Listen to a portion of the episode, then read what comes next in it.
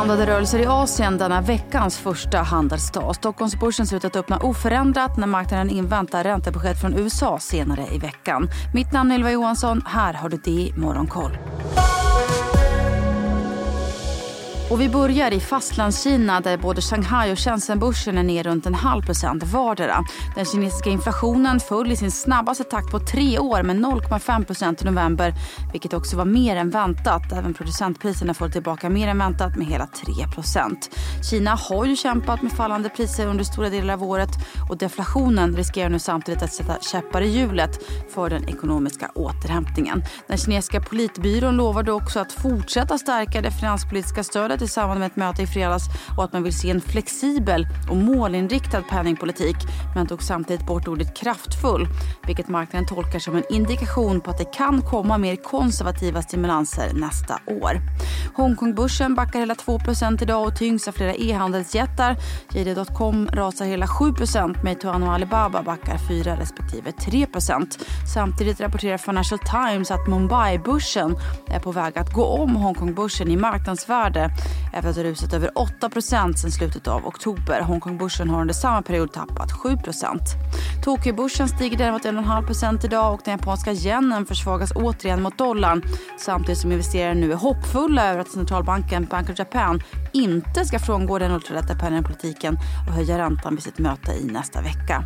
Samtidigt så stiger techjätten Rakuten 1% efter att bolaget meddelat att de ska lansera en egen AI-modell de närmsta två månaderna. Vidare så kan väl också nämna så rusar sydkoreanska AI-bolaget Wider Planet 30% på Seoulbörsen efter beskedet att Squid Game-stjärnan Lee Jung-jae blir storägare i bolaget. Seoulbörsen stiger däremot endast försiktigt. Oljepriset fortsätter samtidigt uppåt nästan 1 idag efter att ha stigit rejält i fredags. Brentoljan kostar 76 dollar fatet. Och den här uppgången sker delvis till följd av de amerikanska planerna på att fylla de strategiska oljelagren. Men även den starka amerikanska jobbsiffran har bidragit till uppgången. Börs Börserna på Wall Street stängde uppåt i fredags. Bredas förvandlade lyfte en halv procent till en ny årshögsta nivå och avslutade därmed sin sjätte uppgångsvecka i rad. Även teknik Nasdaq steg en halv procent efter att den viktiga jobbrapporten Non-Farm Payrolls alltså visat på fler nya jobb än väntat i november. Samtidigt så kom University of Michigans mätning av konsumentförtroendet in starkare än väntat. De amerikanska långräntorna stärktes efter de här beskeden. Tioåringen står nu 4,25. Även dollarn har stärkts mot flera valutor. Sammantaget så ökade det här marknadens förhoppningar om att Fed nu är på rätt väg för att lyckas med sin mjuklandning. Men samtidigt så har förväntningarna minskat något på en räntesänkning redan i mars enligt CMI Fedwatch Tool.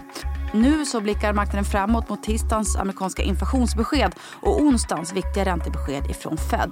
Marknaden väntar sig att Fed kommer lämna räntan oförändrad och tror istället på flera räntesänkningar nästa år.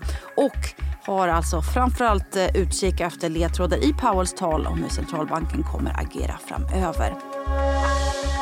Och så till Sverige och det tråkiga beskedet som ju kom igår att industrimannen Melker Körling gått bort efter en tids sjukdom. Körling beskrivs som en skicklig företagsledare och en stor bolagsbyggare och ligger bland annat bakom utvecklingen av storföretag som Securitas, Hexagon, AAK och Hexpool. Han blev 76 år gammal.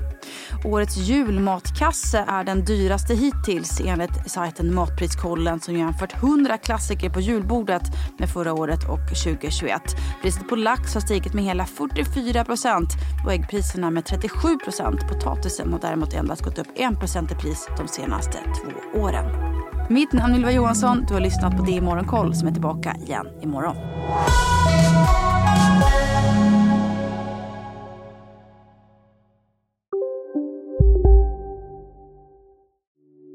Hej, Ulf Kristersson här. På många sätt är det en mörk tid vi lever i. Men nu tar vi ett stort steg för att göra Sverige till en tryggare och säkrare plats. Sverige är nu medlem i Nato. En för alla, alla för en.